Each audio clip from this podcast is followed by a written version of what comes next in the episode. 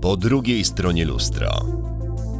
6 września 1982 roku mężczyzna z kilkudniowym zarostem na twarzy od dłuższego czasu spacerował po chodniku przed polską ambasadą w stolicy Szwajcarii.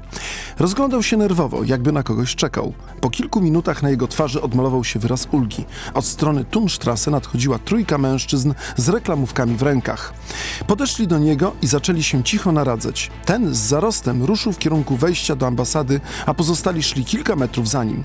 Przycisnął guzik dzwonka. Rozległ się dźwięk brzęczyka i ktoś z wewnątrz otworzył drzwi. Mężczyzna gwałtownie pchnął je do przodu, przewracając na ziemię stojącego za nimi ochroniarza. Czterech ludzi biegiem wpadło do holu budynku. W rękach trzymali strzelby Remington Wingmaster typu Pump Action. Nie ruszać się, jesteśmy żołnierzami powstańczej Armii Krajowej, krzyknął donośnie jeden z nich, wymachując czeskim pistoletem typu Skorpion. Zajmujemy ambasadę, jesteśmy gotowi na śmierć. Taki przebieg miał początek ataku na ambasadę PRL w Bernie przez rzekomo prosolidarnościowych terrorystów.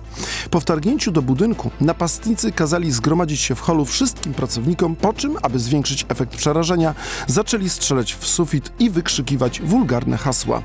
Następnie założyli wydobyte wcześniej z reklamówek komplety mundurów szwajcarskiej armii oraz maski przeciwgazowe.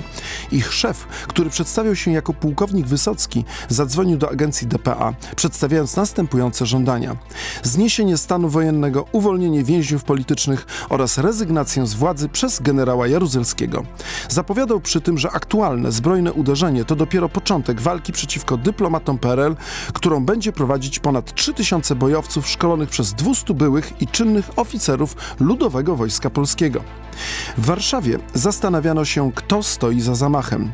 Podejrzewano RFN, ale Bonn tajnymi kanałami dyplomatycznymi poinformowało, że nie ma z tym wydarzeniem nic wspólnego.